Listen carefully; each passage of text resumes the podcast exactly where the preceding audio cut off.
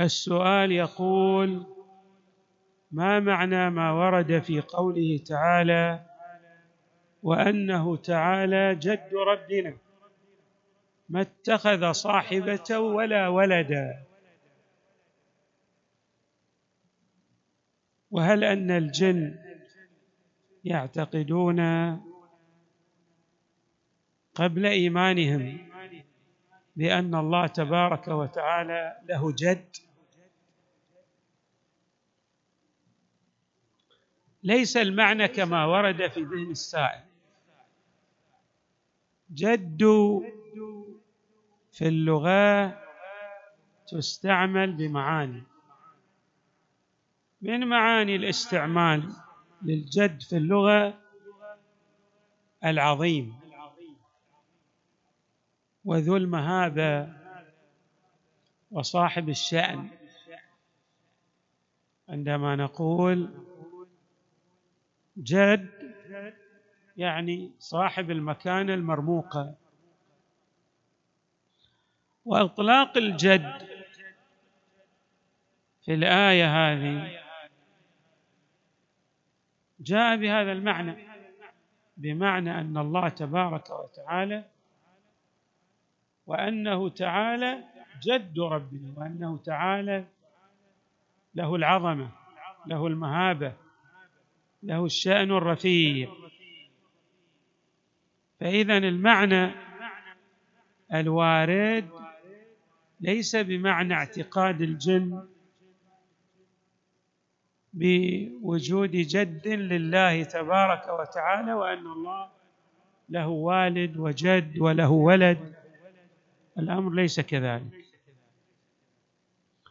واستعمال الجد بمعنى العظيم أيضا جاء في كلمات أمير المؤمنين عليه السلام. مثلا في إحدى الخطب للإمام عليه السلام في نهج البلاغة. الحمد لله الفاشي في الخلق حمده. الحمد لله الفاشي في الخلق حمده. يعني الذي لحمده سريان في كل مفرده من مفردات الوجود. والغالب جنده. يعني وإن جندنا لهم الغالبون والمتعالي جده. والمتعالي جده. يعني المتعالي في عظمته. فإذا استعمال الجد ها هنا في خطبة مولانا أمير المؤمنين جاء بهذا المعنى بمعنى صاحب العظمة صاحب الشأن صاحب الرفعة الذي لا يدرك الخلق عظمته. إذن هذا التعبير موجود. طيب. إذا كان هذا التعبير في اللغة من التعابير الموجودة فاستعمال الجن يكون بهذا المعنى. ليس بمعنى اعتقاد الجن أن لله أن لله تعالى جد بمعنى والد الأب ليس بهذا المعنى. أيضا يكون نلتفت لماذا أطلق على الجد جد؟ لعل السبب في إطلاق الجد على الجد باعتبار أن الكبير في السن الجد يأخذ المهابة. يأخذ العظمة. تكون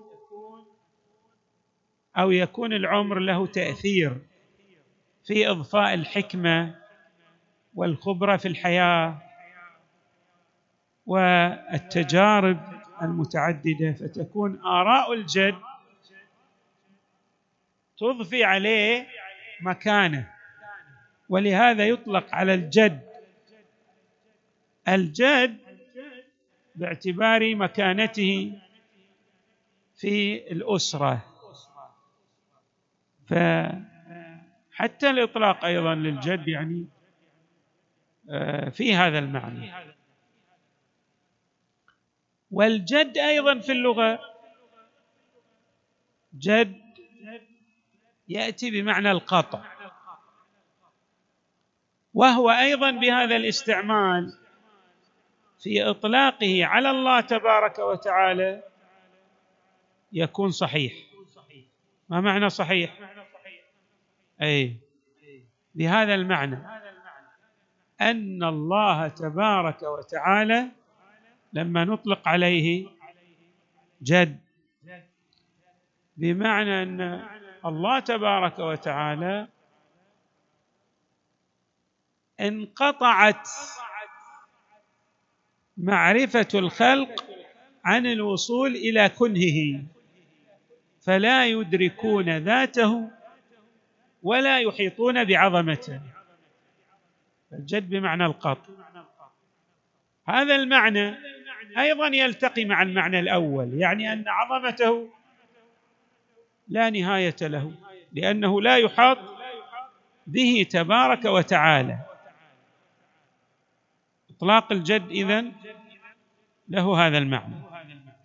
طبعا في هذه السورة سورة الجن قل أوحي إلي أنه استمع نفر من الجن. فقالوا فقالوا إنا سمعنا قرانا عجبا يهدي إلى الرشد فآمنا به ولن نشرك بربنا احدا. إذا جاء قوله تعالى وأنه تعالى جد ربنا ما اتخذ صاحبة ولا ولدا بعد إيمانهم بعد إدراكهم لله أنه تعالى هو الواحد الأحد. فالإنسان فالجن كما يظهر من الآيات القرآنية وجود عاقل مدرك. فإذا أدرك وجود الله وأدرك أنه واحد لن نشرك بربنا أحدا يعني أدركوا الوحدانية. فبعد إدراكهم للوحدانية لله لا نتعقل أن يكون قول الجن وأنه تعالى جد ربنا يعني بمعنى اعتقادهم له جد. وإلا لما تناسب مع قوله تعالى جد ربنا ما اتخذ صاحبة ولا ولدا. ما اتخذ صاحبة ولا ولدا يريدون أن يفصحوا وأن يبينوا عن معنى دقيق وهو الوحدانية لله وأن الله تبارك وتعالى ليس له زوجه ليس له ولد. وهذا المعنى الذي جاء في سورة التوحيد.